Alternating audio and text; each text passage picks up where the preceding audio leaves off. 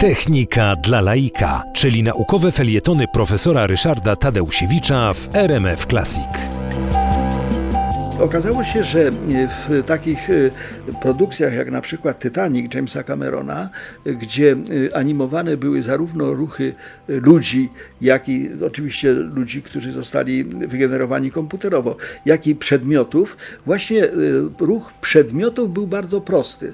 To znaczy przełamujący się statek, tonący statek, spadające przedmioty było proste. Natomiast zamodelowanie ruchu osób było no, trudne.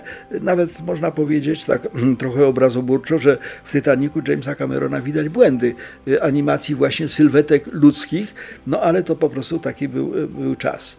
Y, natomiast cały czas jeszcze otwartą sprawą przez wiele lat była kwestia mimiki, dlatego że no, człowiek nie tylko się porusza, ale, ale również jego twarz się porusza, a to ma bardzo duże znaczenie. Wobec tego Paul Drabbeck wymyślił taką metodę, którą nazwał Matrix, która polega na tym, że na głowę aktora, który ma odtwarzać, a może inaczej, którego ruchy mają potem być przejęte przez jakiś e, awatar, jakiś, jakiś twór e, sztuczny, nakłada się kulę.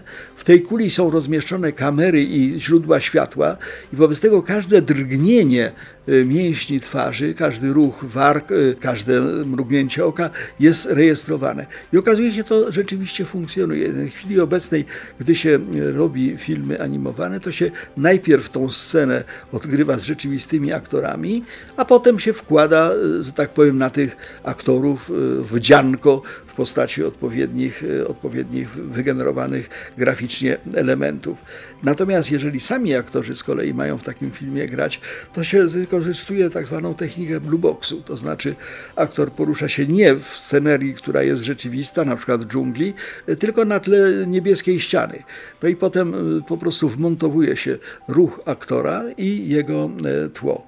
Ale te metody są już na tyle udoskonalone, że rzeczywiście możemy w tej chwili oglądać znakomite technicznie i nie tylko technicznie, artystycznie filmy animowane.